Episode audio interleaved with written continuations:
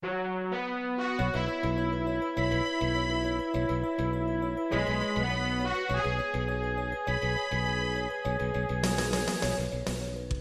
listening to Radio Free Asia. The following program is in Khmer.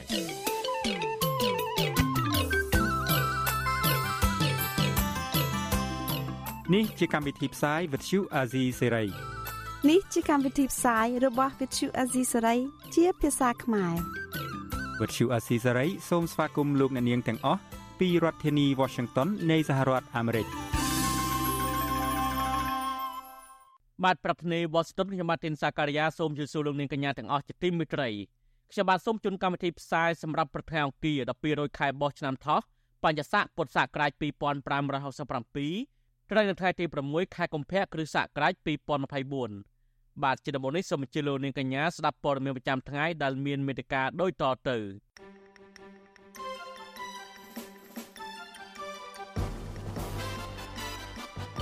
មន្ត្រីអង្គការសិទ្ធិមនុស្សអាត6លោកសង្សានការណាថាបេសកកម្មរបស់លោកមិនមានបំណងវាយប្រហារគណៈបកណាមួយនៅឡើយពលករនិងប្រសង់រសូវសັບទុកជនភៀសខ្លួនខ្មែរនៅមន្ទីរឃុំឃាំងថៃនាទីក្រុងបាងកក កសិករមួយចំនួននៅក្នុងខេត្តជាប់បឹងទន្លេសាបជីកអណ្ដូងដើម្បីបូមទឹកដាក់ស្រែប្រាំងអ្នកការពារធនធានធម្មជាតិបារម្ភពីផលប៉ះពាល់បរិស្ថានដោយសារក្រុមហ៊ុនរយ៉ាល់គ្រប់ក្រុងសាងសង់វេរីអគិសនីស្រែពកក្រំ3រួមនឹងព័ត៌មានសំខាន់សំខាន់មួយចំនួនទៀតបានលោកនាយទីមេត្រីជាបន្តទៅទៀតនេះខ្ញុំបាទទីនសាការីយ៉ាសូមជូនព័ត៌មានពិស្ដា មេធាវីតំណាងរបស់គណៈបកប្រជាជនកម្ពុជា កាលពីរសៀលថ្ងៃទី4កុម្ភៈបានដាក់ពាក្យប្តឹងទៅអាយកាអមច្រានដំបងរាជធានីភ្នំពេញប្តឹងមន្ត្រីសិទ្ធិមនុស្សអាត6លោកសង្សានករណាដោយទាមទារសំណងជំងឺចិត្តឲ្យគណៈបកកណ្ដាលអំណាចចំនួន2000លានរៀលឬស្មើនឹងជិតកន្លះលានដុល្លារអាមេរិកការដាក់ពាក្យប្តឹងទៅតុលាការនេះបន្ទាប់ពីលោកហ៊ុនសែនកាលពីថ្ងៃទី4កុម្ភៈបញ្ជាទៅក្រុមមេធាវីគណៈបកសិក្សាផ្លូវច្បាប់ដើម្បីប្តឹងលោកសង្សានករណា ចំពោះការអធិប្បាយលើសំណុំរឿងបកកណ្ដាលអំណាចប្តឹងលោកសុនឆៃបាទសូមលោកនាងស្ដាប់សេចក្តីរាយការណ៍របស់កញ្ញាខណ្ឌលក្ខណាអំពីរឿងនេះដូចតទៅពាក្យបណ្ដឹងរបស់ក្រមមេធាវីតំណាងរបស់គណៈបកប្រជាជនកម្ពុជាត្រូវបានសារព័ត៌មានស្និទ្ធរដ្ឋាភិបាល Fresh News ចុះផ្សាយនៅថ្ងៃទី5កុម្ភៈក្នុងពាក្យបណ្ដឹងចុះថ្ងៃទី5កុម្ភៈរបស់ក្រមមេធាវីដែលប្តឹងអ្នកនាំពាក្យសមាគមការពារសិទ្ធិមនុស្សអាត់ហុកលោកសង្សានករណា គឺយោងទៅតាមអត្ថបទចុះផ្សាយរបស់សារព័ត៌មាន The Cambodia Daily កាលពីថ្ងៃទី2កុម្ភៈក្រមមេធាវីរបស់គណៈបកកណ្ដាលអំណាចចោទថា ការថ្លែងរបស់លោកសង្សានករណា ធ្វើឲ្យប៉ះពាល់ដល់ធ្ងន់ធ្ងរដល់កិត្តិយសរបស់គណៈបកប្រជាជនកម្ពុជានិងជាអំពើបង្កចលាចលញុះញង់បង្កើតឲ្យមានការស្អប់រើសអើងចំពោះគណៈបកប្រជាជនកម្ពុជា និងមានចេតនាធ្វើឲ្យប៉ះពាល់ដល់ការបោះឆ្នោតជ្រើសតាំងសមាជិកប្រសិទ្ធិនីតិកាលទី5ដែលនឹងប្រព្រឹត្តទៅនៅខែកុម្ភៈឆ្នាំ2024នាពេលដ៏ខ្លីខាងមុខក្រុមមេធាវីតំណាងគណៈបកប្រជាជនកម្ពុជា សំណុំពរឲ្យតុលាការចោទប្រកាន់និងផ្ដន្ទាទោសលើលោកសង្សានករណាព្រមទាំងទាមទារសំណងជំងឺចិត្តឲ្យគណៈបកកាន់អំណាចចំនួន2000លានរៀល បណ្ដឹងរបស់ក្រមមេធាវីគណៈបកប្រជាជនកម្ពុជា គឺធ្វើឡើងមួយថ្ងៃបន្ទាប់ពីលោកហ៊ុនសែនបានគម្រាមប្តឹងអ្នកនាំពាក្យសមាគមការពារសិទ្ធិមនុស្សអាត6លោកសង្សានករណា ចំពោះការអធិប្បាយលើសំណុំរឿងបកកាន់អំណាចប្តឹងលោកសុនឆៃនៅសារព័ត៌មាន The Cambodia Daily សារព័ត៌មាន The Cambodia Daily កាលពីថ្ងៃទី2កុម្ភៈបានចុះផ្សាយដោយស្រង់ប្រសាសន៍លោកសង្សានករណាទៅចុះផ្សាយថាវិវាទរបស់អ្នកនយោបាយគួរបញ្ចប់ដោយនយោបាយមិនគួរប្រើប្រព័ន្ធតុលាការមកដោះស្រាយទេគណៈបកប្រជាជនកម្ពុជាជាគណៈបកមួយមានធនធានថវិកាច្រើនគណៈបកនេះគួរយោគយល់ដល់លោកសុនឆៃគណៈបកកាន់អំណាចតែងតែយកតុលាការធ្វើជារបាំង ក្នុងការគៀបសង្កត់ដៃគូនយោបាយប្រឆាំងរបស់ខ្លួននិងថាគណៈបកនយោបាយទាំងអស់គួរតែប្រើវិធីចាស់ទុំដើម្បីធ្វើការប្រកួតប្រជែងគ្នា គួរបញ្ឈប់នៅវប្បធម៌គម្រាមកំហែងដៃគូនយោបាយរបស់ខ្លួន ដើម្បីទុកជាគំរូសម្រាប់អ្នកនយោបាយចំនួនក្រោយជាដើមវត្តជាអាស៊ីសេរីមិនអាចសុំការអធិប្បាយបញ្ហានេះពីលោកសង្សានករណាបាននៅឡើយទេ នៅថ្ងៃទី5កុម្ភៈ ប៉ុន្តែនៅថ្ងៃនេះដែរលោកសង្សានករណាបានសរសេរនៅលើ Facebook របស់លោកអះអាងថាបេសកកម្មសកម្មភាពនិងការផ្ដល់បទសម្ភាសរបស់លោកក្នុងគោលបំណងពង្រឹងការគោរពសិទ្ធិមនុស្សច្បាប់យុត្តិធម៌សង្គមនិងប្រជាធិបតេយ្យដោយមិនបំរើគណៈបកនយោបាយណាមួយនោះទេលោកសង្សានករណាសរសេរនៅលើ Facebook នៅថ្ងៃទី5កុម្ភៈថា រាល់ការស្រង់សម្ដីរបស់លោកទៅបន្ថែមបន្ថយបញ្ចេញបញ្ចូលវាយប្រហារចំចំលើឈ្មោះគណៈបកនយោបាយណាមួយនោះវាមិនមែនជាចេតនានិងគោលបំណងរបស់លោកនោះទេ ដូច្នេះលោកមិនទទួលស្គាល់ឡើយលោកបញ្ជាក់ថាបេសកកម្មសកម្មភាពនិងការផ្ដល់បទសម្ភាសរបស់លោកក្នុងគោលបំណងគោរពសិទ្ធិមនុស្សច្បាប់យុត្តិធម៌និងប្រជាធិបតេយ្យដោយមិនបំរើគណៈបកនយោបាយណាមួយនោះទេ ហើយក៏គ្មានចេតនាណាមួយវាយប្រហារបកនយោបាយណាមួយឡើយ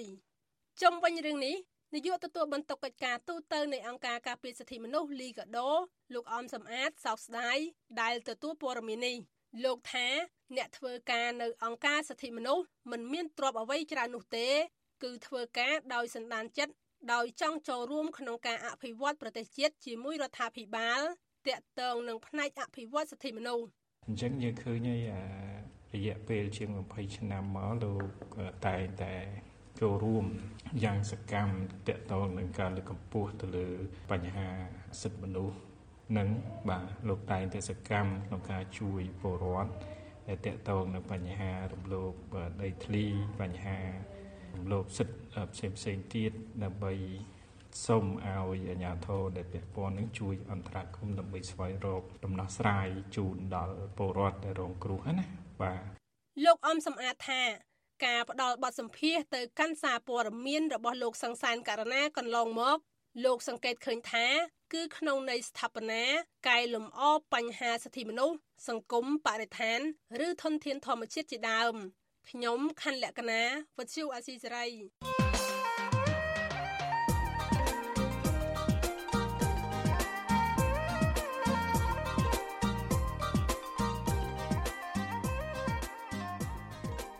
បានលោកនីតិមិត្តរីគណៈបកកណ្ដាលអំណាចបានកំចាត់ក្រុមអ្នករិះគន់និងគណៈបកប្រឆាំងជាបន្តបន្ទាប់ស្ទើរតែងើបមុខមិនរួចឥឡូវនេះលោកហ៊ុនសែនបានចាប់ផ្ដើមវាយលុកក្រុមមន្ត្រីសង្គមស៊ីវិលបន្ថែមទៀតជាក់ស្ដែងដូចជាគណៈបកប្រជាជនកម្ពុជាបានដាក់ពាក្យប្តឹងមន្ត្រីជាន់ខ្ពស់សមាគមការពារសិទ្ធិមនុស្សអាត់ហុកលោកសឹងសានករណានេះជាដើមតើនេះយុទ្ធសាស្ត្ររបស់មេដឹកនាំគណៈបកកណ្ដាលអំណាចលោកហ៊ុនសែនចង់កំចាត់និងបំបិតមាត់អង្គការសង្គមស៊ីវិលអាយក្រិកទៀតឬយ៉ាងណា បាទសូមលោកអ្នករងចាំទស្សនានីតិវិទ្យាអ្នកស្ដាប់វិទ្យុអាស៊ីសេរីដែលនឹងជជែកអំពីបញ្ហានេះនៅយប់ថ្ងៃអង្គារទី6កុម្ភៈនេះកុំបីខានលោកនាងក៏អាចបញ្ចេញមតិយោបល់ឬសួរសំណួរដោយដាក់លេខទូរស័ព្ទរបស់លោកនាងនៅក្នុងប្រអប់ខ្ទង់ comment នៃការផ្សាយផ្ទាល់របស់វិទ្យុអាស៊ីសេរីនៅលើបណ្ដាញសង្គម Facebook Telegram និង YouTube ក្រុមការងាររបស់យើងនឹងតាក់ទងទៅលោកនាងវិញ បាទសូមអរគុណ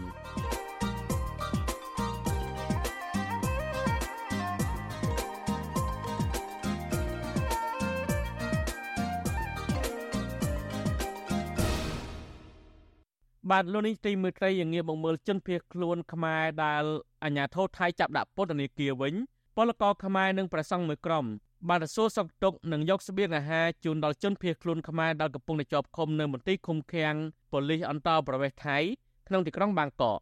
ពួកគេអះអាងថាជនភៀសខ្លួនទាំងនោះព្រួយបារម្ភពីសុវត្ថិភាពដោយខ្លាចអាជ្ញាធរថៃបញ្ជូនពួកគេវិលមកកម្ពុជាវិញមន្ត្រីសិទ្ធិមនុស្សយល់ឃើញថា គួរដល់ពេលឧត្តមស្នងការអង្គការសហប្រជាជាតិទទួលបន្ទុកជនភៀសខ្លួន UNHCR ជជែកជាមួយរដ្ឋាភិបាលថៃដើម្បីឲ្យរដ្ឋាភិបាលប្រទេសនេះគោរពសិទ្ធិជនភៀសខ្លួន បាទសូមលោកនាងស្ដាប់សេចក្តីរាយការណ៍របស់លោកច័ន្ទដារ៉ូអំពីរឿងនេះដូចតទៅ ក្រមពលករនិងព្រះសង្ឃនៅព្រឹកថ្ងៃទី5ខែកុម្ភៈបានយកម្ហូបអាហារចូលសួរសុខទុក្ខជនភៀសខ្លួនខ្មែរចំនួន11នាក់រួមទាំងក្មេងតូច4នាក់ដែលត្រូវបានអាជ្ញាធរថៃចាប់ឃុំខ្លួន នៅមន្ទីរឃុំឃាំងរបស់ប៉ូលីសអន្តោប្រវេសន៍ថៃ នៅក្នុងទីក្រុងបាងកកកាលពីពេលថ្មីៗនេះពលករខ្មែរ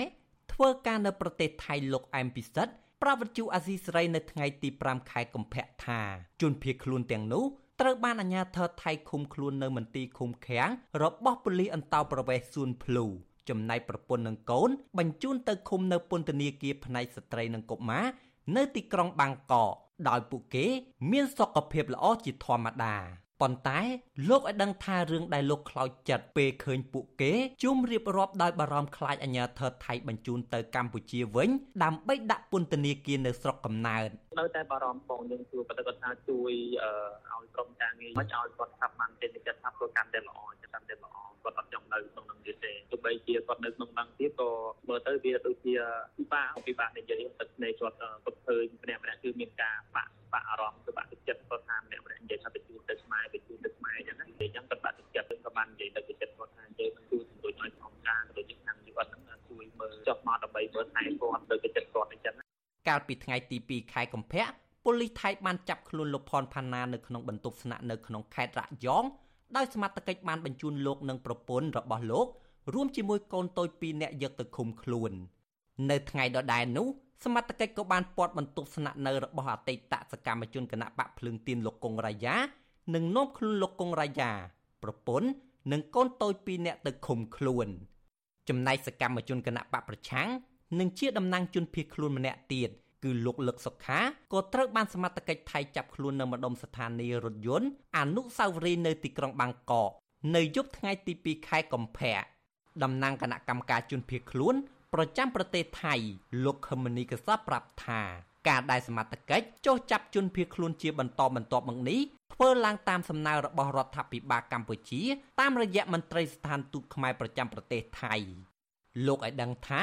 បច្ចុប្បន្នពួកលោកដែលមានឈ្មោះនិងរូបថតនៅក្នុងដៃអាជ្ញាធរថៃ ដែលត្រូវចាប់ខ្លួនកំពុងសង្ងំរស់នៅក្នុងបន្ទប់ដោយមិនហ៊ានចេញទៅយកស្បៀងអាហារនៅអង្គការដូចមុននោះទេ យើងមើលនៅក្នុងហ្នឹងគឺមន្ត្រីស្ថានទូតហ្នឹងគឺសកម្មកំពុងតែសហការគ្នាជាមួយនឹងអាជ្ញាធរថៃជាពិសេសប៉ូលីសថៃហ្នឹងតាមស្វែងរកមិនថាពួកយើងជាប្រជាជនពីខ្លួនទេសូម្បីតែពលករក៏គេតាមដានតាគៀបសង្កត់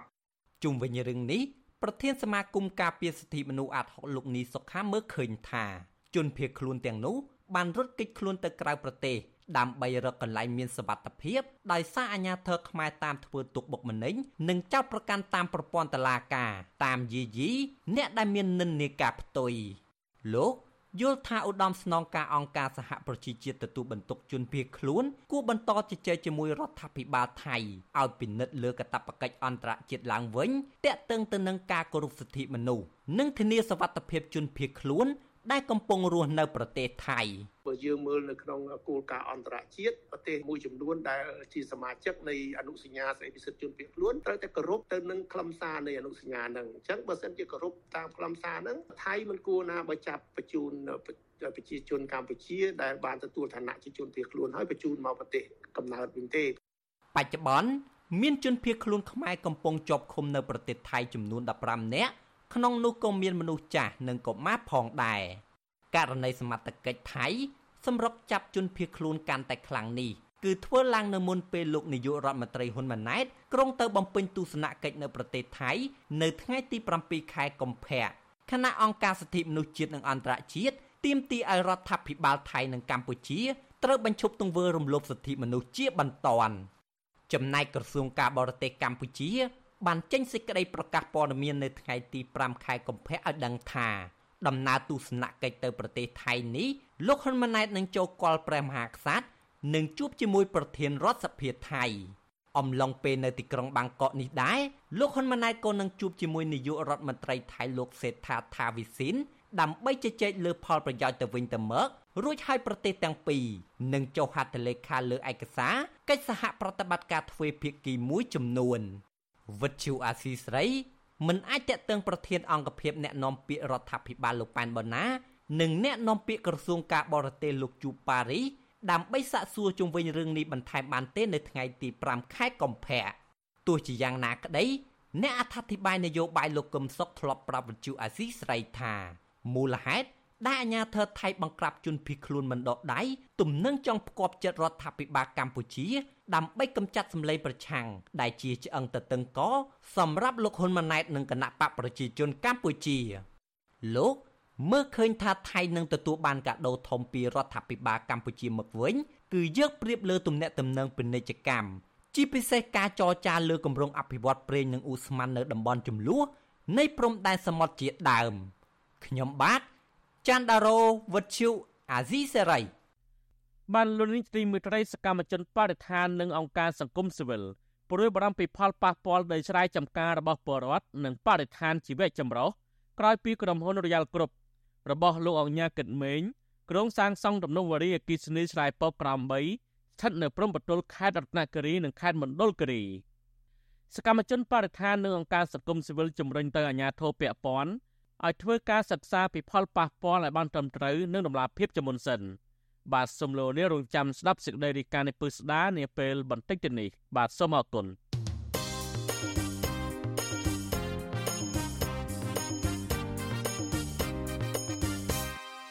បានលុយទីមួយត្រីតតងនឹងកសិករដែលធ្វើស្រែប្រាំងហើយខ្វះទឹកវិញកសិករមួយចំនួនរស់នៅខេត្តជាប់បឹងទន្លេសាប បានចំណាយប្រាក់ជីកអណ្ដូងទឹកកណ្ដាលវាលស្រែ ដើម្បីទាញទឹកពីក្រោមដីយកមកសង្គ្រោះស្រូវប្រាំងរបស់ពួកគាត់ដែលជិតប្រមូលផលបាននេះពួកគាត់សោកស្ដាយដែលស្រែប្រាំងជាច្រើនពាន់ហិកតាងាប់ជាបន្តបន្ទាប់ដោយសារខ្វះទឹកនៅរយៈពេល3សប្តាហ៍កន្លងទៅនេះបាទសំលូនៀងស្ដាប់សេចក្តីរាយការណ៍របស់លោកមានរិទ្ធអំពីរឿងនេះដូចតទៅកសិករមួយចំនួនរស់នៅជាប់តំបន់បឹងទន្លេសាបក្នុងខេត្តកំពង់ឆ្នាំងនិងខេត្តពោធិ៍សាត់កំពុងរកមធ្យោបាយសង្គ្រោះស្រូវប្រាំងជាច្រើនហិកតាដែលពួកគាត់ជិតប្រមូលផល ហើយកំពុងប្រឈមនឹងការក្រៀមស្វិតដីប្រេះក្រហែងដោយសារខ្វះទឹកស្រោចស្រពកសិករម្នាក់រស់នៅក្នុងឃុំតាលូស្រុកតាលូសែនជ័យខេត្តពោធិ៍សាត់លោកស្រីនួនវុតប្រាវិសុយអស៊ីស្រីនៅថ្ងៃទី5ខែកុម្ភៈថាគ្រួសារលោកស្រីធ្វើស្រែប្រាំង6ហិកតាងាប់អស់3ហិកតា នៅសល់3ហិកតាទៀតជិតនឹងប្រមូលផល កំពុងប្រឈមទៅនឹងការខ្វះទឹក លោកស្រីថាប្រសិនបើគ្មានទឹកបូមបញ្ចូលស្រែនោះទេនោះស្រូវប្រាំងទាំងនោះនឹងក្រៀមស្វិតងាប់ទាំងស្រុងហេតុនេះហើយទើបបានជាគ្រួសារលោកស្រី បង្ខំចិត្តជីអណ្ដូងទឹកមួយកណ្ដាលវាស្រែដើម្បីបូមទឹកពីក្រោមដី មកស្រោចស្រពស្រែប្រាំងក៏ប៉ុន្តែនៅពេលជីកបែរជាគ្មានទឹកទៅវិញលោកស្រីថាអ្នកភូមិជាច្រើនគ្រួសារទៀតក៏ដូច្នេះដែរអ្នកខ្លះជីកអណ្ដូងមានទឹកហើយខ្លះទៀតក៏គ្មានទឹកដីប្រេះ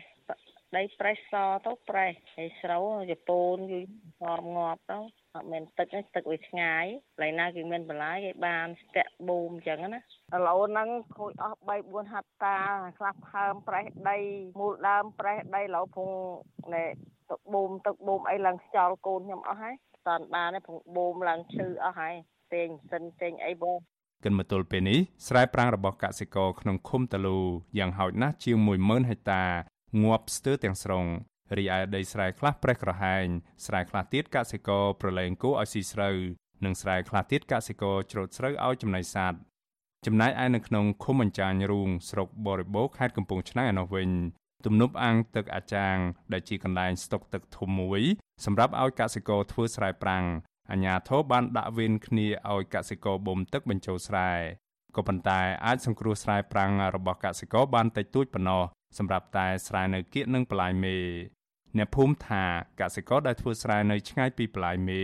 ភ ieck ច្រើនស្រូវប្រាំងរបស់ពួកគាត់ងាប់ទាំងស្រុងហើយកសិករខ្លះទៀតឆ្លោះប្រកែកគ្នាដណ្ដើមទឹកបូមបញ្ចូលស្រែ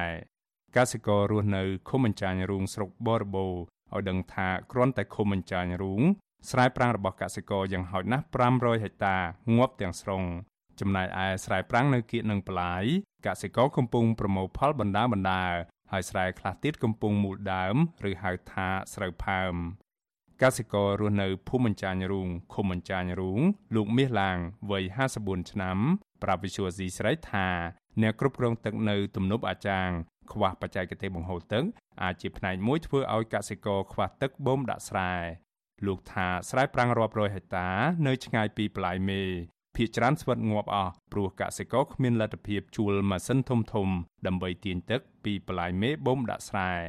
លោកបន្តថាគ្រួសាររបស់លោកធ្វើស្រែប្រាំងជាង4ហិកតា នៅគៀកនឹងប្លាយមេ ហើយគ្រោងនឹងប្រមូលផល3សប្តាហ៍ទៀតហើយប៉ះសិនបើគ្មានទឹកស្រែប្រាំងទាំងនោះក៏នឹងងាប់អស់ដែរនិយាយពីខាងសំទានទឹកអ្នកកាន់ទ្វារនៅនឹងបើសិនណាគ្រប់គ្រងទឹកនៅបានដាស់លោដូចជាពលរដ្ឋក៏ក៏តំណពោវិញអត់ខ្វះទេទឹកក៏ប៉ុន្តែ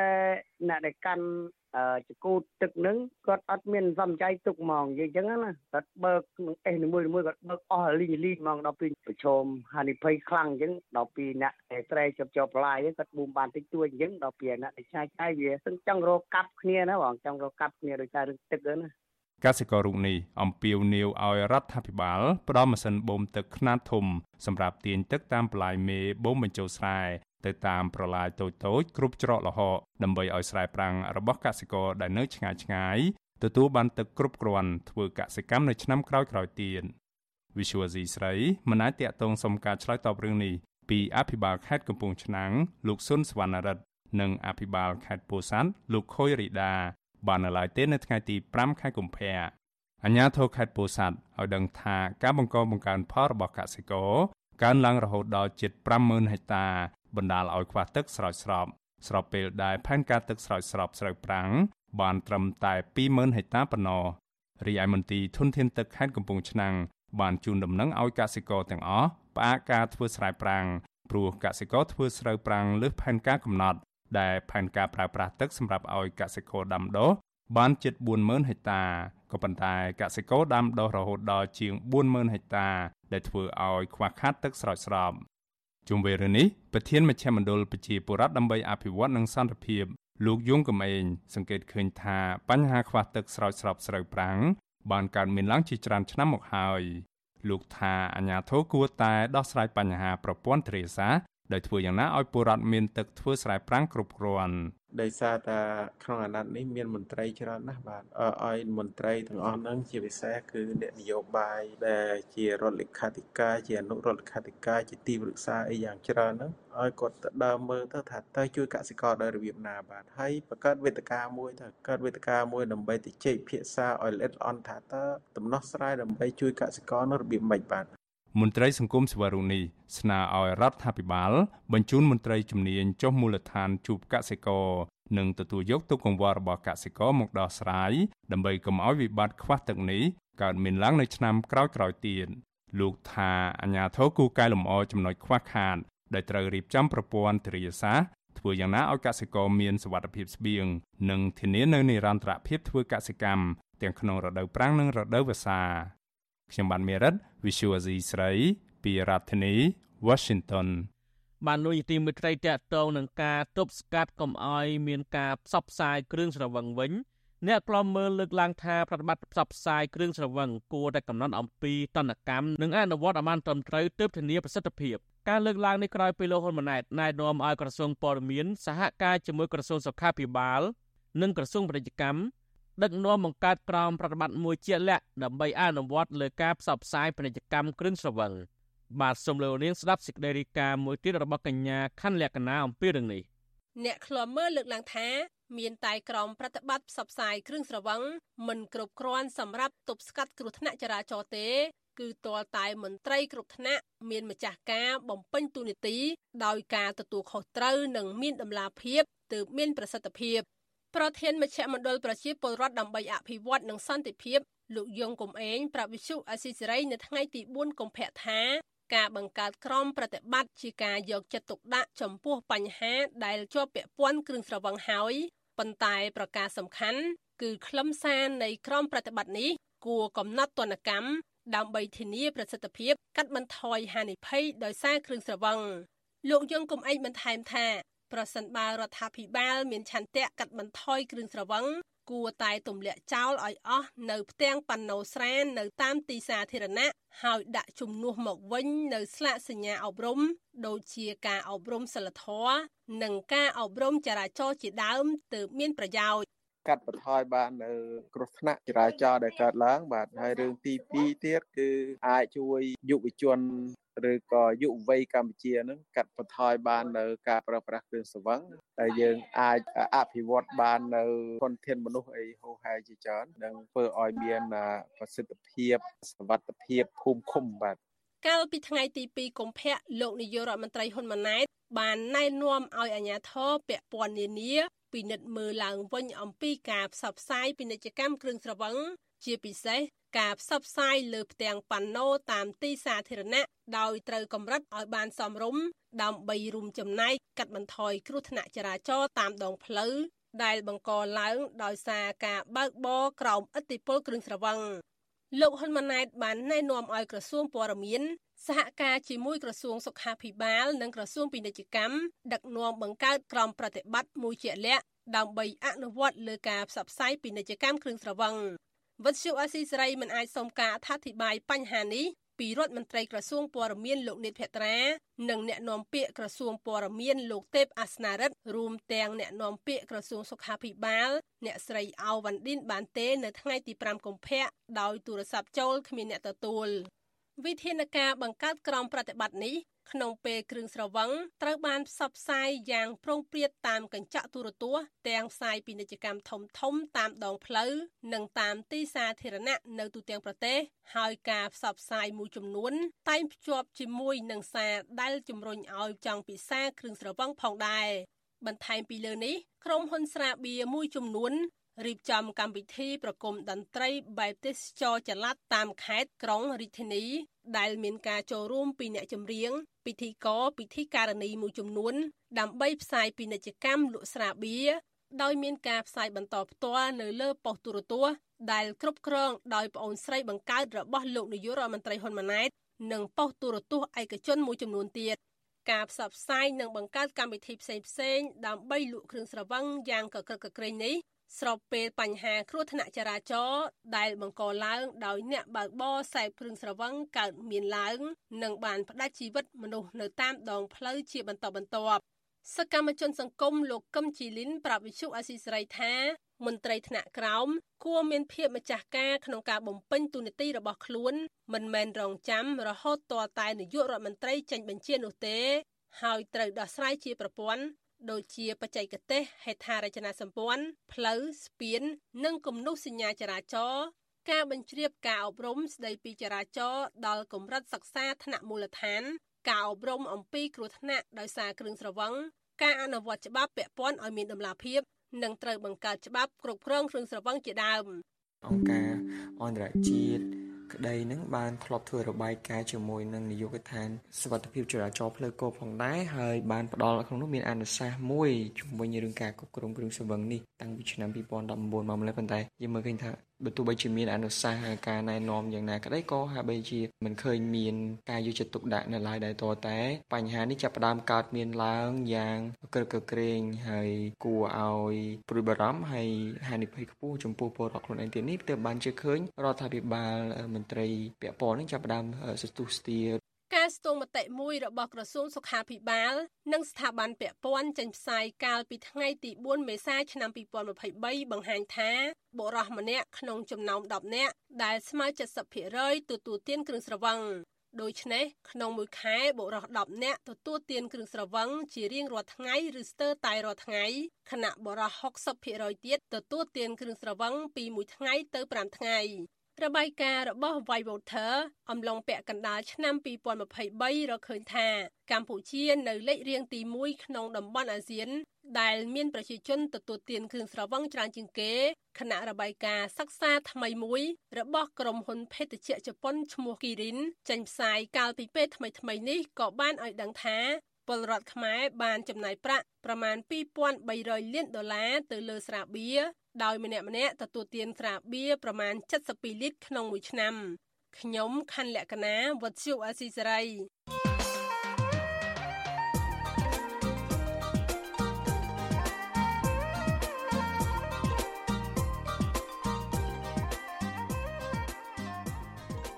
បានលោកនីតិមិត្តរីគណៈបកកណ្ដាលអំណាចបានកំចាត់ក្រុមអ្នករិះគន់និងគណៈបកប្រឆាំងជាបន្តបន្ទាប់ស្ទើរតែងើបមុខមិនរួច។ឥឡូវនេះលោកហ៊ុនសែនបានចាប់ផ្ដើមវាយលុកក្រុមមន្ត្រីសង្គមស៊ីវិលបន្ថែមទៀតជាក់ស្ដែងដូចជាគណៈបកប្រជាជនកម្ពុជាបានដាក់ពាក្យប្តឹងមន្ត្រីជាន់ខ្ពស់សមាគមការពារសិទ្ធិមនុស្សអាត់ហុកលោកសឹងសានករណានេះជាដើមតើនេះយុទ្ធសាស្ត្ររបស់មេដឹកនាំគណៈបកកណ្ដាលអំណាចលោកហ៊ុនសែនចង់កំចាត់និងបំបិតមាត់អង្គការសង្គមស៊ីវិលអាយក្រិកទៀតឬយ៉ាងណា បាទសូមលោកនេះរងចាំទស្សនានីតិវិទ្យាអ្នកស្ដាប់វិទ្យុអាស៊ីសេរីដែលនឹងជជែកអំពីបញ្ហានេះនៅយប់ថ្ងៃអង្គារទី6កុម្ភៈនេះកុំបីខានលោកនាងក៏អាចបញ្ចេញមតិយោបល់ឬសួរសំណួរដោយដាក់លេខទូរស័ព្ទរបស់លោកនាងនៅក្នុងប្រអប់ខ្ទង់ comment នៃការផ្សាយផ្ទាល់របស់វិទ្យុអាស៊ីសេរីនៅលើបណ្ដាញសង្គម Facebook Telegram និង YouTube ក្រុមការងាររបស់យើងនឹងតាក់ទងទៅលោកនាងវិញ បាទសូមអរគុណ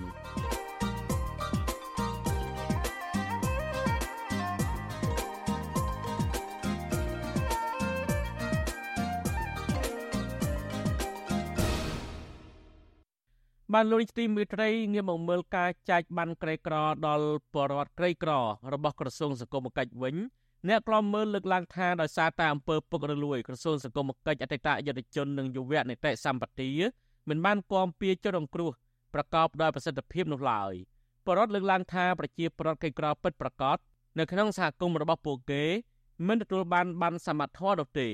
ដោយសារតែការចែកបាននេះ ធ្វើឡើងប្រកាន់និន្នាការនយោបាយនិងបកពួកនិយមអ្នកខ្លំមើលពីបញ្ហាសង្គមលើកឡើងថាដរាបណាស្ថានភាពអំពើពុករលួយនៅតែធ្ងន់ធ្ងរហើយមេដឹកនាំនៅតែរើសអើងអ្នកនយោបាយដែលមាននិន្នាការផ្ទុយពីរដ្ឋាភិបាលនោះក្រសួងសង្គមគិច្ចអតីតយុទ្ធជននិងយុវនីតិសម្បទានឹងមិនអាចជួយដល់ប្រជាពលរដ្ឋក្រីក្រនិងងាយរងគ្រោះប្រកបដោយប្រសិទ្ធភាពនោះឡើយប្រធានក្រុមប្រឹក្សាខ្លមមើលកម្ពុជានៅប្រទេសណ័រវេសលោកម៉ែនណាត លើកឡើងថា ប្រជាពលរដ្ឋក្រីក្រអតីតយោធិននិងជនងាយរងគ្រោះភាគច្រើនមិនអាចទទួលបានការគាំពៀពីរដ្ឋាភិបាលប្រកបដោយតម្លាភាពនោះឡើយលោកបន្តថាមូលហេតុដែលបណ្ដាលឲ្យក្រសួងសង្គមគិច្ចអតីតយុទ្ធជននិងយុវនីតិសម្បទាមិនអាចធ្វើការប្រកបដោយប្រសិទ្ធភាពគឺដោយសារតែកត្តាសំខាន់សំខាន់3ទី1រដ្ឋាភិបាលនៅតែមិនមានថវិកាគ្រប់គ្រាន់ជួយដល់ជនក្រីក្រ ដោយសារតែអំពើពុករលួយ ទី2ដោយសារតែការចាយអំណោយ ឬបានសមត្ថធរធ្វើឡើងដោយមានបកពួកនិយមនិងរើសអើងនឹងការនយោបាយនិងទី3គឺដោយសារតែរដ្ឋាភិបាល មិនមានយន្តការត្រួតពិនិត្យឬហ៊ានដាក់ពិន័យលើមន្ត្រីដែលប្រព្រឹត្តអំពើពុករលួយអីវាមានប្រព័ន្ធតាមដានត្រួតពិនិត្យអីថាឥឡូវក្នុងការលើកទឹកចិត្តដល់បងប្អូនយើងសមត្ថកិច្ចឬក៏ទាហានជនវិការអីហ្នឹង ឲ្យបានត្រឹមត្រូវទេមានទេហើយរដ្ឋហ្នឹងគឺថារមជ្ឈបាយយ៉ាងម៉េចឲ្យតាបានស៊ីដាច់ហ្នឹងគឺគាត់ចែកលុយគ្នាស៊ីទៅការលើកឡើងរបស់អ្នកខ្លោមើលកម្ពុជានេះក្រោយពីក្រសួងសង្គមគិច្ចបានលើកឡើងពីសមិទ្ធផលរបស់ក្រសួងនៅក្នុងពិធីបូកសរុបការងារប្រចាំឆ្នាំនៅថ្ងៃទី5កុម្ភៈរដ្ឋមន្ត្រីក្រសួងសង្គមគិច្ចអតីតយុទ្ធជននិងយុវនីតិសម្បទាលោកជាសុមេធីដែលជាកូនប្រុសពៅរបស់លោកជាស៊ីមបានអះអាងថា ក្រសួងសង្គមគិច្ចបានបញ្ចេញកញ្ចប់ថវិកាចំនួនបន្ទាន់រាប់រយលានដុល្លារអាមេរិកទៅដល់ប្រជាពលរដ្ឋក្រីក្ររាប់សែនគ្រួសារនៅក្នុងពេលមានវិបត្តិសេដ្ឋកិច្ចនៃការរីករាលដាលជំងឺ Covid-19 គ្រោះទឹកជំនន់និងក្នុងពេលរងសម្ពាធសេដ្ឋកិច្ចសកល កាលពីដើមឆ្នាំ2023ជាដើមវឌ្ឍនភាពដែលក្រសួងសង្គមកិច្ចអតីតយុទ្ធជននិងយុវវេទិសម្បទាសម្រាប់បានកន្លងមកគឺបានមកពី ការបដិញ្ញាចិត្តរបស់អាដាមលោកជំទាវលោកឧស្រីមន្ត្រីរាជការគ្រប់លំដាប់ថ្នាក់និងកិច្ចសហការល្អពីក្រសួងស្ថាប័នពាក់ព័ន្ធអាជ្ញាធរដែនដីអង្គការដៃគូនិងសប្បុរសជននានាដែលខ្ញុំសូមអបអរសាទរចំពោះសមិទ្ធផលដ៏ថ្លៃថ្លាទាំងនេះបន្ថែមពីនេះក្រសួងក៏បានលើកទិសដៅការងារឆ្នាំ2024ដែលផ្ដោតទៅលើកិច្ចគាំពៀមនុស្សចាស់ជរាកុមារក្រីក្រ គ្រួសារក្រីក្រ និងការអប់រំបែបវិជ្ជមាន ដើម្បីកាត់បន្ថយអំពើហិង្សានៅក្នុងគ្រួសារផងដែរទោះជាយ៉ាងណាបរិមម្នាក់រស់នៅឃុំជួមស្រុកមេមត់ខេត្តត្បូងឃ្មុំ គឺលោកឆៃវិតប្រាប់វិទ្យុអសីសេរីនៅថ្ងៃទី5កុម្ភៈថាការចែកបានសមត្ថភាពនៅក្នុងឃុំរបស់លោកធ្វើឡើងដោយគ្មានដំណាភាពនោះឡើយលោកអះអាងថាដោយសារតែការប្រកាន់និន្នាការនយោបាយនិងបកពួកនិយមគ្រូសាក្រីក្រពិតប្រកបមួយចំនួនមិនបានទទួលបានក្រីក្រដើម្បីទទួលបានប្រាក់ឧបត្ថម្ភប្រចាំខែនោះទេ ខ្ញុំគិតថាខាងក្រសួងសង្គមគិច្ចនឹងគូចោះត្រួតពិនិត្យមើលសារឡើងវិញ អំពីការផ្ដល់បានសមធម៌ដល់ប្រជាពលរដ្ឋតាមមូលដ្ឋាននីមួយៗនឹងដើម្បីកុំឲ្យការចាយវាយថវិកាជាតិនឹងវាមិនបានជួយផ្ដល់ទៅដល់គ្រួសារក្រីក្រពិតប្រកបដូចសពថ្ងៃអ្នកខ្លំមើលពីបញ្ហាសង្គមនិងបរិបទលើកឡើងថាដើម្បីជួយដល់ជនក្រីក្រ និងប្រជាពលរដ្ឋងាយរងគ្រោះក្រសួងសង្គមគិច្ច គួរតែផ្សព្វផ្សាយអំពីព័ត៌មានបានសមត្ថធម៌និងលក្ខខណ្ឌទទួលបានកិច្ចគាំពៀពីក្រសួងជាសាធារណៈជាជាងបណ្ដោយឲ្យមន្ត្រីនៅតាមមូលដ្ឋាន ធ្វើការងារដោយមិនមានដំណាភាព និងប្រកាន់បកពួកក្រៅពីបញ្ហាផ្ដាល់បានក្រីក្រនិងការចែកអំណោយសង្គ្រោះបន្ទាន់ដោយមិនមានដំណាភាពនោះក្រសួងសង្គមគិច្ចអតីតយុទ្ធជននិងយុវនីតិសម្បទាក៏នៅមិនទាន់បិទមណ្ឌលកែប្រែប្រៃស្ពឺក្នុងរាជធានីភ្នំពេញ ដែលអង្គការសង្គមស្វិលជាតិនិងអន្តរជាតិស្នើឲ្យបិទដោយសារតែមណ្ឌលនេះមានការរំលោភសិទ្ធិមនុស្សធ្ងន់ធ្ងរទៅលើជនជាប់ឃុំនៅក្នុងមណ្ឌលនេះផងដែរបានលោកនាយទីមេត្រីងាកមកមើលគម្រោងសាងសង់ទំនប់វារីអគ្គិសនីវិញ សកម្មជនបរិស្ថាននិងអង្គការសង្គមស៊ីវិលព្រួយបារម្ភពីផលប៉ះពាល់ដល់ស្រែចម្ការរបស់ពលរដ្ឋនិងបរិស្ថានជីវៈចម្រុះក្រោយពីក្រុមហ៊ុនរយ៉ាល់គ្រប់របស់លោកអង្ញាកឹតមេង ក្រុងនឹងសាងសង់ទំនប់វារីអគ្គិសនីឆ្នៃពកក្រោម3ស្ថិតនៅព្រំប្រទល់ខេត្តរតនគិរីនិងខេត្តមណ្ឌលគិរីសកម្មជនបរិស្ថាននិងអង្គការសង្គមស៊ីវិលជំរុញទៅអាជ្ញាធរពាក់ព័ន្ធឲ្យធ្វើការសិក្សាពីផលប៉ះពាល់ឲ្យបានត្រឹមត្រូវនិងតម្លាភាពជាមុនសិនបាទសូមលោកនាងស្ដាប់សេចក្តីរាយការណ៍របស់លោកជីវិតាអំពីរឿងនេះអ្នកការពារបរិស្ថានព្រួយបារម្ភអំពីគម្រោងសាងសង់ទំនប់វារីអគ្គិសនីស្រែពកក្រម3ដែលអាចប៉ះពាល់ដល់ដីស្រែចម្ការរបស់ពលរដ្ឋ កន្លែងជំនឿសាសនា និងបរិស្ថានជីវៈចម្រុះនៅតំបន់នោះពួកគេចង់ឃើញអ្នកពាក់ព័ន្ធគ្រប់ភាគីទាំងអស់ចូលរួមសិក្សាអំពីផលប៉ះពាល់បរិស្ថាននិងសង្គមឲ្យបានត្រឹមត្រូវនិងតម្លាភាពពីព្រោះកន្លងទៅរាល់គម្រោងបែបនេះតែងតែធ្វើឲ្យពលរដ្ឋមូលដ្ឋានដែលជាម្ចាស់ស្រុករងទុក្ខលំបាកការលើកឡើងនេះធ្វើឡើងបន្ទាប់ពីក្រុមហ៊ុន Royal Group របស់អុកញ៉ាគិតម៉េងសហការជាមួយក្រុមហ៊ុនខ្មែរ Foundation Apparel និងអាជ្ញាធរខេត្តមណ្ឌលគិរីចុះស្រង់ឈ្មោះគ្រួសារដែលរងផលប៉ះពាល់ស្ថិតនៅឃុំនខីលឹកស្រុកកោះញែកខេត្តមណ្ឌលគិរីដើម្បីផ្លាស់ប្តូរទីលំនៅបច្ចុប្បន្នរបស់ពួកគេទៅរស់នៅទីតាំងថ្មីប៉ុន្តែក្នុងលិខិតនោះមិនបានបញ្ជាក់ពីទីតាំងថ្មីនោះទេនេះបើយោងតាមលិខិតរបស់ក្រុមហ៊ុន Royal Group ដែលមានហត្ថលេខារបស់លោកកឹតម៉េងចុះការបរិច្ឆេទថ្ងៃទី9មករាឆ្នាំ2024 អ្នកស្រាវជ្រាវនឹងឃ្លាំមើលធនធានធម្មជាតិនៅកម្ពុជា លោកសេងសុកហេងប្រាវិទ្យុអាស៊ីសេរីនៅថ្ងៃទី5កុម្ភៈថាលោកព្រួយបារម្ភគម្រោងសាងសង់ទំនប់វារីអគ្គិសនីស្រែពកក្រម3នេះនឹងធ្វើឲ្យដីស្រែចម្ការរបស់ប្រជាពលរដ្ឋរាប់ពាន់គ្រួសារនិងបរិស្ថានជីវៈចម្រុះជាច្រើនរងផលប៉ះពាល់លោកបន្ថែមថារដ្ឋាភិបាលត្រូវពិចារណាឲ្យដិតដល់ធ្វើយ៉ាងណាកុំឲ្យមានផលប៉ះពាល់ដល់ប្រជាពលរដ្ឋនិងបរិស្ថាន។ រដ្ឋាភិបាលគួរតែប្រើប្រាស់នៅជំរើសផ្សេង បាទដើម្បីយើងផលិតជាធម្មពលអគិសនីដើម្បីប្រើប្រាស់នៅក្នុងប្រទេសកម្ពុជាយើងមកព្រោះថាយើងដឹងហើយថាតំណុវិអគិសនីវារងផលប៉ះពាល់ច្រើនមែនទែនសម្រាប់មនុស្សជាតិរួមទាំងបរិស្ថាននៅក្នុងតំបន់ក៏ដូចជានៅក្នុងប្រទេសរបស់យើងនឹងចំណែកសហគមន៍ជនជាតិដើមភាគតិចភ្នងឃុំណាក់ខីលឹក កញ្ញាកលឹកចំរើនឲ្យដឹងថា រហូតមកដល់ពេលនេះអ្នកភូមិនៅមិនទាន់ទទួលបានដំណឹងជាក់លាក់អំពីគម្រោងសាងសង់ទំនប់វារីអគ្គិសនីស្រែពកក្រម3នេះទេប៉ុន្តែប្រសិនបើគម្រោងនេះដំណើរការមែននោះយ៉ាងហោចណាស់មានប្រជាពលរដ្ឋចំនួន4ភូមិនឹងរងផលប៉ះពាល់ពីគម្រោងសាងសង់ទំនប់វារីអគ្គិសនីថ្មីនេះហើយនឹងធ្វើឲ្យប៉ះពាល់ដល់ដីស្រែចម្ការជាច្រើនហិកតានៅតំបន់នោះ។ មានការព្រួយបារម្ភដោយសារតែកន្លែងហ្នឹងជាទឹកដីកំណើតរបស់យើងប្រពេលគេធ្វើវិរិយអគិសនីទៅគេបដិញប្រជាជននៅនឹងចេញឲ្យអស់ព្រោះបើអើបើសិនជាថាយើងដូរទីលំនៅទៅវាអត់ដូចកន្លែងដើមយើងតាំងពីដើមអញ្ចឹងគាត់អត់ទាន់សម្រេចចិត្តចង់ធ្វើស្រែចម្ការបន្តទៀតទេដោយសារគាត់មានការភ័យខ្លាចជុំវិញរឿងនេះវិទ្យុអាស៊ីសេរីមិនអាចតាក់ទងแนะនាំពាក្យក្រសួងរាយនឹងធម្មពលលោកអឹងឌីប៉ូឡានិងអភិបាលខេត្តមណ្ឌលគិរីលោកថងសាវុន ដើម្បីសុំការអត្ថាធិប្បាយបានទេនៅថ្ងៃទី5កុម្ភៈដោយទូរស័ព្ទចូលជាច្រើនដងតែគ្មានអ្នកទទួលទោះជាយ៉ាងណានៅក្នុងលិខិតរបស់ក្រុមហ៊ុន Royal Group ដែលវិទ្យុអាស៊ីសេរីទទួលបានបញ្ជាក់ថាក្រសួងបរិស្ថាននិងក្រសួងរាយនឹងធម្មពល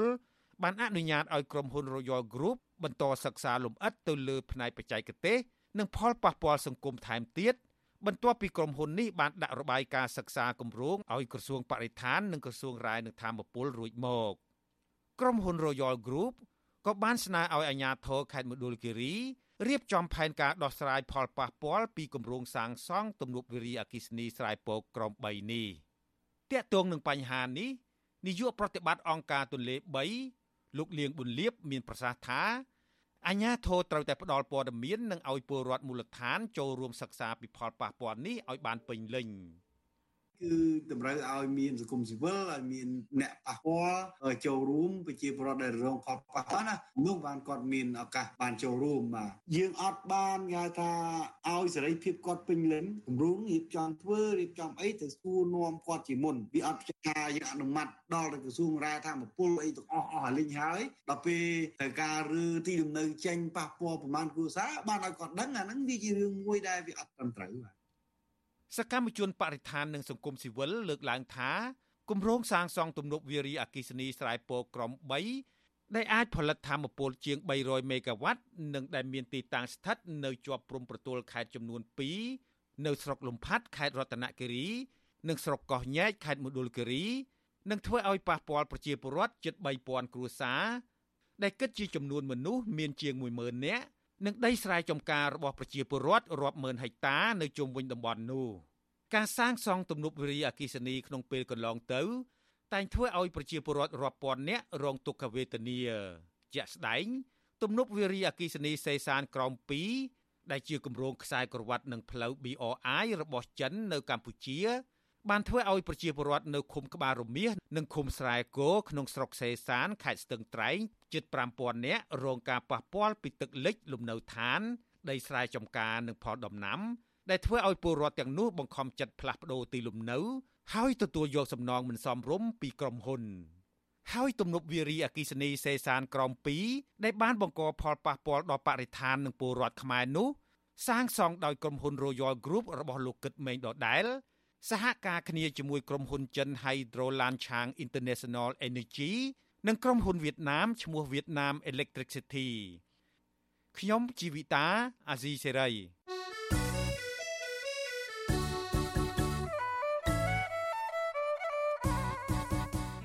បាទលោកនាងជាទីមេត្រីកម្មវិធីផ្សាយរបស់វិទ្យុអាស៊ីសេរី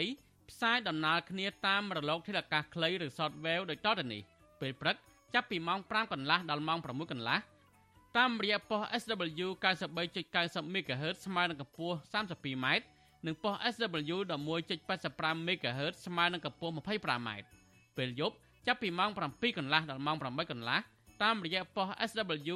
93.30 MHz ស្មើនឹងកម្ពស់ 32m ប៉ុស SW 11.88 MHz ស្មើនឹងកម្ពស់ 25m និងប៉ុស SW 15.15 MHz ស្មើនឹងកម្ពស់ 20m បាទសូមអរគុណ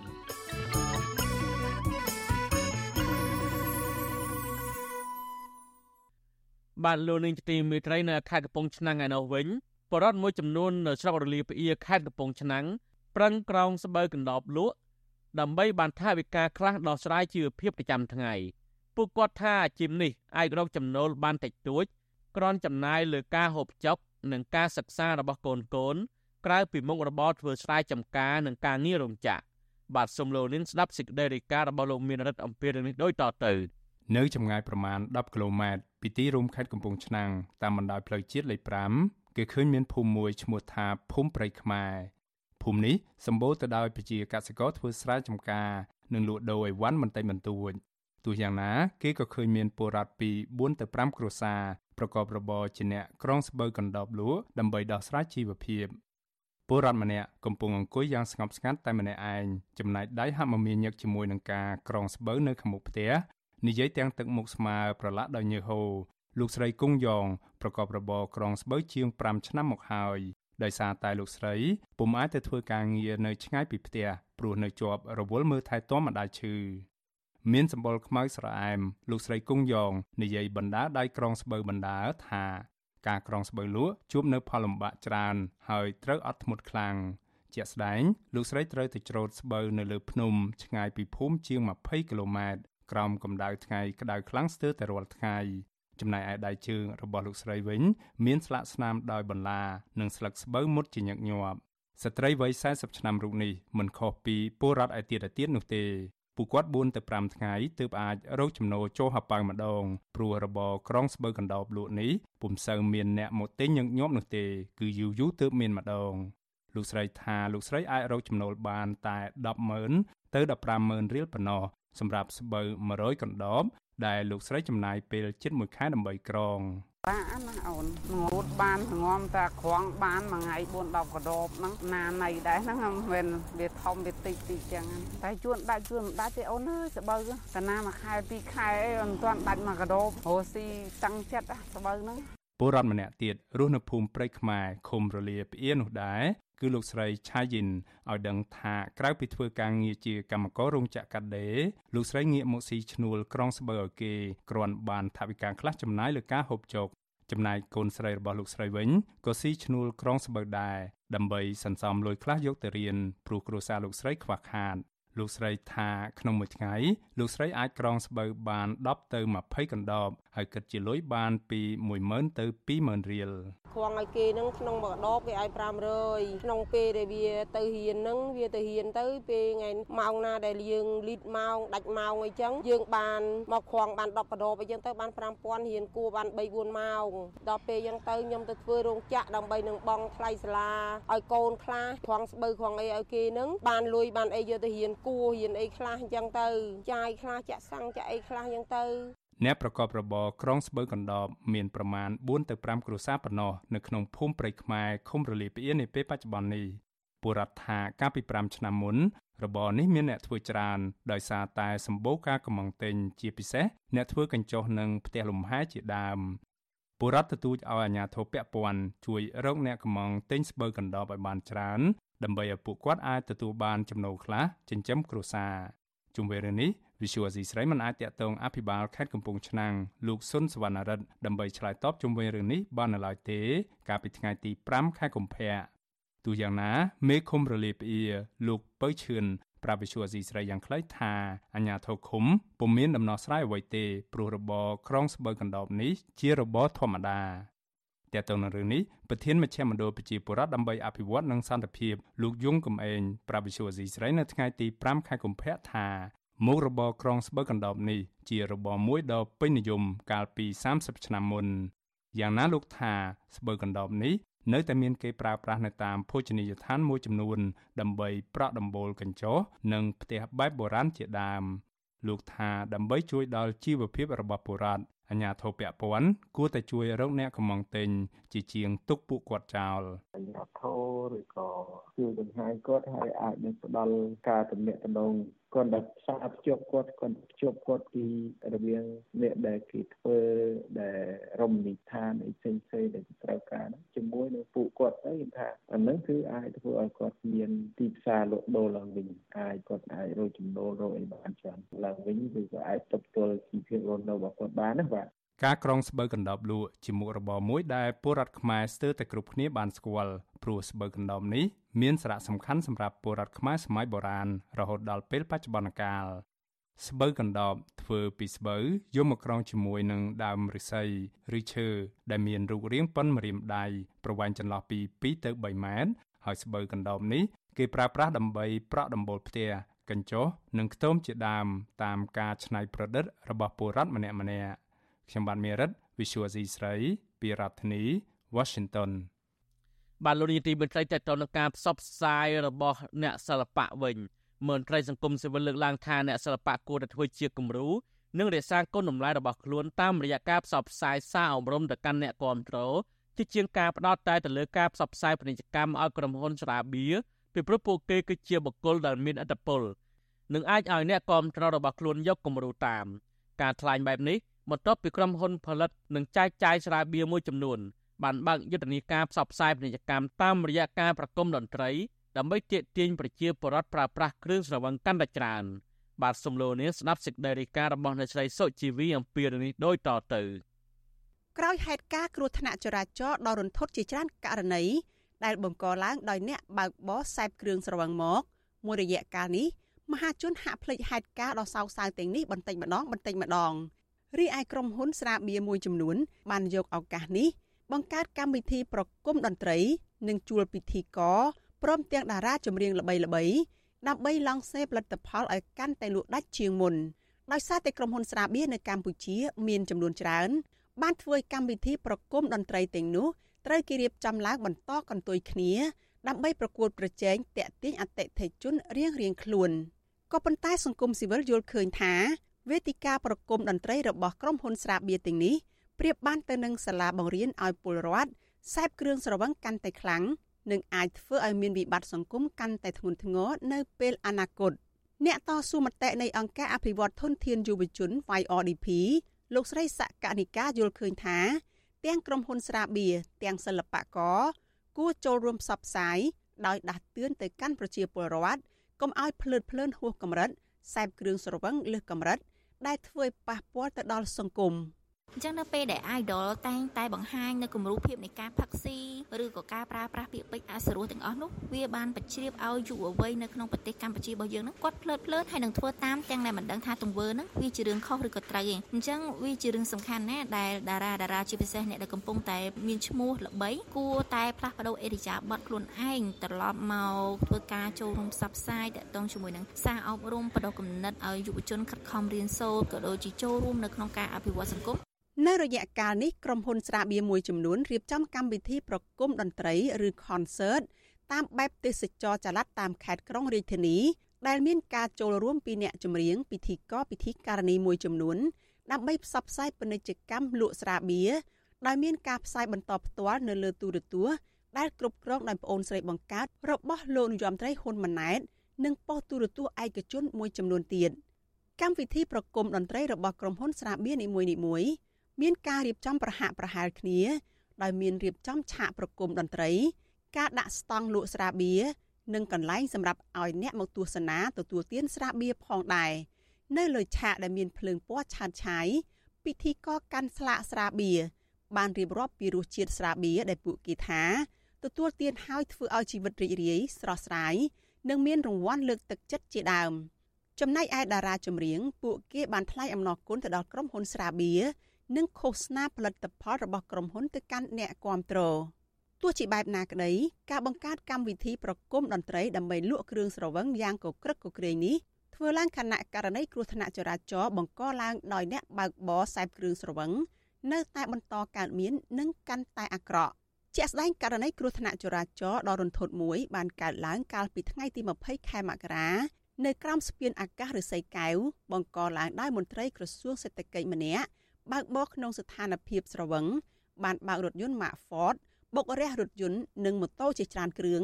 បណ្ដាលឲ្យមនុស្សចំនួន4នាក់បានស្លាប់និងជាច្រើនអ្នកទៀតរងរបួសដេកសន្លប់លើដងផ្លូវយ៉ាងនេះក្តីពិធីករនិងតារាចម្រៀងហាក់មិនបានផ្ដោតទៅលើបញ្ហានេះដោយផ្ញើសារដាស់តឿនទៅដល់ពលរដ្ឋអ្នកចូលរួមឲ្យមានការប្រុងប្រយ័ត្នឡើយផ្ទុយទៅវិញពួកគេបែរជាប្រើប្រាស់ឆាកតន្ត្រីនេះ និយាយលើកសរសើររដ្ឋាភិបាលដែលដឹកនាំដោយគ្រួសារលោកហ៊ុនសែនថែមទៀតផងប្រធានអង្គការអប់រំយុវជនដើម្បីអភិវឌ្ឍនិងសន្តិភាព លោកបូពៅមានប្រសាសន៍ថាសិល្បករគួរតែថ្លឹងថ្លែងរវាងប្រាក់ចំណូលដែលទទួលបានពីការផ្សព្វផ្សាយគ្រឿងស្រវឹងនិងផលប៉ះពាល់ដល់សង្គមលោកសង្កេតឃើញថា ក្នុងកម្មវិធីប្រគំតន្ត្រីនេះក្រុមហ៊ុនស្រាបៀរនិងសិល្បករហាក់ផ្ដោតសំខាន់តែទៅលើផលប្រយោជន៍រៀងៗខ្លួន ដោយមិនបានគិតពីផលប៉ះពាល់ក្នុងសង្គមនិងយុវជន ដែលជាធនធានមនុស្សមានកាតព្វកិច្ចកសាងសង្គមជាតិនាពេលអនាគតឡើយ។ ក្រសួងព័ត៌មានមើលអត្ថន័យការប្រើប្រាស់ពាក្យដើម្បីគាត់តែលើកទឹកចិត្តឲ្យមនុស្សលោកវែងហើយក្រសួងអប់រំទុកទៅក្មេងពីអាយុប្រហែលអីប្រហែលដើម្បីកុំឲ្យការផ្សព្វផ្សាយនឹងវាជ្រុកបោកបាក់ខ្លាំងពេកបើនៅស្រុកគេថ្ងៃថ្ងៃសិលគឺគេបិទទីចាក់សោទូលក់ទេសជ្ជៈមកហើយគេកំណត់អាយុគេកំណត់ម៉ោងម៉ោងណាបានអាចមនុស្សញ៉ាំបានក្រៅពីបញ្ហាគ្រោះថ្នាក់ចរាចរណ៍នៅលើដងផ្លូវកម្ពុជានៅប្រឈមនឹងបញ្ហាអសន្តិសុខសង្គម ការរំលោភបំពានអំពើហិង្សាការខាត់បងសេដ្ឋកិច្ចនិងធនធានមនុស្សព្រមទាំងជំងឺរ៉ាំរ៉ៃរបស់ពលរដ្ឋដែលបណ្ដាលមកពីការទទួលទានគ្រឿងស្រវឹងខណៈមេដឹកនាំរដ្ឋាភិបាលបានត្រឹមតែទទួលស្គាល់ពីបញ្ហាទាំងអស់នេះតែគ្មានវិធានការជាក់លាក់ម៉ឺងម៉ាត់ធានាលើការកាត់បន្ថយនិងបញ្ឈប់រូបភាពផ្សព្វផ្សាយគ្រឿងស្រវឹងបាននៅឡើយវិទ្យុអាស៊ីសេរីមិនអាចតកតแนะនាំពាក្យក្រសួងវប្បធម៌និងវិចិត្រសិល្បៈលោកស៊ូម៉ាប់ និងប្រធានសមាគមសិល្បករខ្មែរអ្នកនាងចន់ច័ន្ទលក្ខណាដើម្បីសុំការបកស្រាយជុំវិញរឿងនេះបានទេ នៅថ្ងៃទី30ខែមករាអ្នកស្រាវជ្រាវការអភិវឌ្ឍសង្គមលោកបណ្ឌិតមាសនេះសង្កេតឃើញថាកម្មវិធីប្រគំតន្ត្រី គឺជាឱកាសមួយដែលជំរុញឲ្យប្រជាពលរដ្ឋសេពគ្រឿងស្រវឹងខ្ពស់បំផុត ក្នុងនោះអ្នកសេពគ្រឿងស្រវឹងមួយចំនួនបានលួចប្រើប្រាស់គ្រឿងញៀនជាមួយដើម្បីបង្កើនអារម្មណ៍រីករាយផងដែរ លោកបន្តថាស្ថិតនៅក្នុងកាលៈទេសៈដែលសង្គមកំពុងប្រឈមនឹងវិបត្តិមួយចំនួន មានដូចជា គ្រោះថ្នាក់ចរាចរណ៍គ្រឿងញៀននិងបញ្ហាសិលធម៌សង្គមធ្លាក់ចុះម្ចាស់ក្រុមហ៊ុនស្រាបៀរនិងអ្នកសិល្បៈគួរយកឱកាសនេះបញ្ជ្រាបសារអប់រំដល់ប្រជាពលរដ្ឋជាជាងគិតតែពីប្រជាប្រិយភាព និងផលប្រយោជន៍ផ្ទាល់ខ្លួនខ្ញុំធ្លាប់ធ្វើការស្រាវជ្រាវមួយក្នុងចំណោមយុវជនកាលពី3 4ឆ្នាំមុនណា គឺនៅពេលដែលយុវជនទៅកន្លែងសុបាយសុបាយហ្នឹងគឺស្ទើរតែ70%នៃយុវជនហ្នឹងគឺប្រើឆ្នាំការថ្នាំកូវីអានេះគេថាបើមិនប្រើថ្នាំហ្នឹងរាប់មិនទៅសមវាមិនស្ទួនអញ្ចឹងណាចង់និយាយអញ្ចឹងប៉ុន្តែវាសិតតែចំពោះថ្នាំមានថ្នាំហ្នឹងគឺប្រើសម្រាប់ការសុបាយហើយការប្រើថ្នាំគឺប្រើលាយជាមួយនឹងគ្រឿងសង្វឹងហ្នឹងឯងយ៉ាងណាក៏ដោយចុះពាក្យមោទនភាពជាតិនិងភាពស្រស់ស្រាយបន្ទាប់ពីទទួលទានគ្រឿងស្រវឹងដែលជាពាក្យឃោសនាដ៏ពេញនិយមរបស់ក្រុមហ៊ុនស្រាបៀរ បានធ្វើឲ្យកម្ពុជា មានកំណើនគ្រោះថ្នាក់ចរាចរណ៍ឥតឈប់ឈរក្នុងរយៈពេលចុងក្រោយនេះតាមរបាយការណ៍របស់អគ្គស្នងការដ្ឋាននគរបាលជាតិគិតពីថ្ងៃទី1ដល់ថ្ងៃទី21ខែមករាឆ្នាំ2024បង្ហាញថា គ្រោះថ្នាក់ចរាចរណ៍នៅកម្ពុជាកើតឡើងចំនួន181ករណីបណ្ដាលឲ្យមនុស្សរងរបួសជាង300នាក់និងស្លាប់80នាក់អាជ្ញាធរក៏សម្គាល់ថាគ្រោះថ្នាក់ចរាចរណ៍ទាំងនោះ បណ្ដាលមកពីការបើកបរល្មើសល្បឿនមិនគោរពសិទ្ធិនិងស្រវឹងមន្ត្រីសង្គមស៊ីវិលស្នើឲ្យរដ្ឋាភិបាល គួរកំណត់គោលការណ៍ឲ្យបានច្បាស់លាស់ចំពោះកម្មវិធីប្រគំតន្ត្រីរបស់ក្រុមហ៊ុនស្រាបៀរដើម្បីធានាថារដ្ឋាភិបាលពិតជាបានគិតគូរពីសុខុមាលភាពប្រជាពលរដ្ឋជាជាងទុកឲ្យគ្រឿងស្រវឹងបន្តបំផ្លាញសង្គមខ្លាំងជាងនេះជាមួយគ្នានេះពួកគាត់ស្នើឲ្យសិល្បករគួរតែពិចារណា ចំពោះការផ្សព្វផ្សាយអំពីផលិតផលគ្រឿងស្រវឹងដើម្បីរួមចំណែកជួយដល់សង្គមជាតិនិងកាត់បន្ថយគ្រោះថ្នាក់ចរាចរណ៍នាងខ្ញុំសុជីវីវិទ្យុអាស៊ីសេរីពីរដ្ឋធានី Washington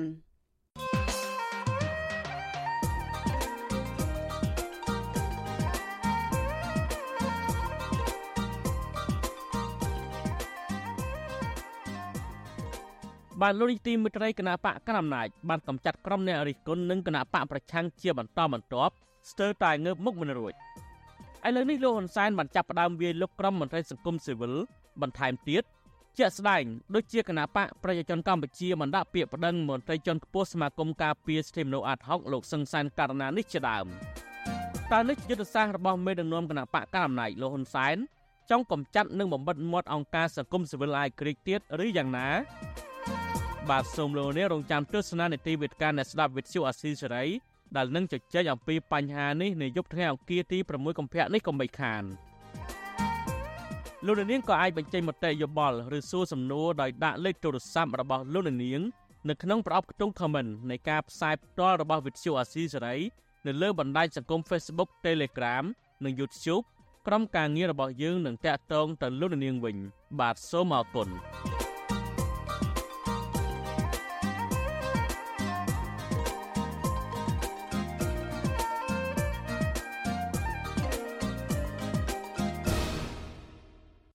បាទលោកនាងជាទីមេត្រីការផ្សាយរយៈពេល1ម៉ោងនៃវិទ្យុអាស៊ីសេរីជាភាសាខ្មែរនៅពេលនេះចប់តែប៉ុណ្ណេះយើងខ្ញុំសូមជូនពរដល់លោកនាងព្រមទាំងក្រុមគ្រួសារទាំងអស់ឲ្យជួបប្រកបតែនឹងសេចក្តីសុខចម្រើនរុងរឿងកុំបីឃ្លៀងឃ្លាតឡើយខ្ញុំបាទធីនសាករិយាព្រមទាំងក្រុមការងារទាំងអស់នៃវិទ្យុអាស៊ីសេរីសូមអរគុណនិងសូមជម្រាបលា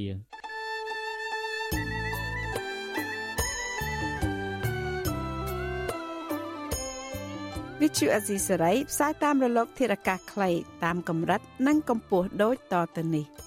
ពេលព្រឹកចាប់ពីម៉ោង5កន្លះដល់ម៉ោង6កន្លះតាមរយៈប៉ុស SW 93.90 MHz ស្មើនឹងកម្ពស់ 32m និងប៉ុស SW 11.85 MHz ស្មើនឹងកម្ពស់ 25m ពេលយប់ចាប់ពីម៉ោង7កន្លះដល់ម៉ោង8កន្លះតាមរយៈប៉ុស SW 93.30 MHz ស្មើនឹងកម្ពស់ 32m ប៉ុស SW 11.88 MHz ស្មើនឹងកម្ពស់ 25m និងប៉ុស SW 15.15 MHz ស្មើនឹងកម្ពស់ 20m លោកអ្នកនាងក៏អាចស្ដាប់និងទស្សនាការផ្សាយផ្ទាល់នៅលើគេហទំព័រ Visual Asia សេរីតាមរយៈអាសយដ្ឋាន rfa.org/ ខ្មែរ ក្រៅពីនេះលោកអ្នកនាងក៏អាចអាននិងទស្សនាព័ត៌មាន Vithu Azisari លើទូរស័ព្ទដៃរបស់លោកអ្នកនាងផ្ទាល់សូមអញ្ជើញលោកអ្នកនាងដំឡើងកម្មវិធី Vithu Azisari នៅលើទូរស័ព្ទដៃរបស់លោកអ្នកនាងឬស្វែងរក Vithu Azisari នៅលើ YouTube ឬ Facebook ដោយស្វែងរកពាក្យថា Vithu Azisari ឬ RFA ខ្មែរសូមលោកអ្នកនាងចុច like follow និងចុច subscribe ដើម្បីទទួលបានព័ត៌មានថ្មីៗតាន់ហេតុការណ៍ និងទស្សនាវីដេអូផ្សេងៗទៀតបានគ្រប់ពេលវេលាយើងខ្ញុំសូមជូនពរដល់លោកអ្នកនាងព្រមទាំងក្រុមគ្រួសារទាំងអស់ឲ្យជួបប្រកបតែនឹងសេចក្តីសុខសេចក្តីចម្រើនរុងរឿងកុំបីឃ្លៀងឃ្លាតឡើយ។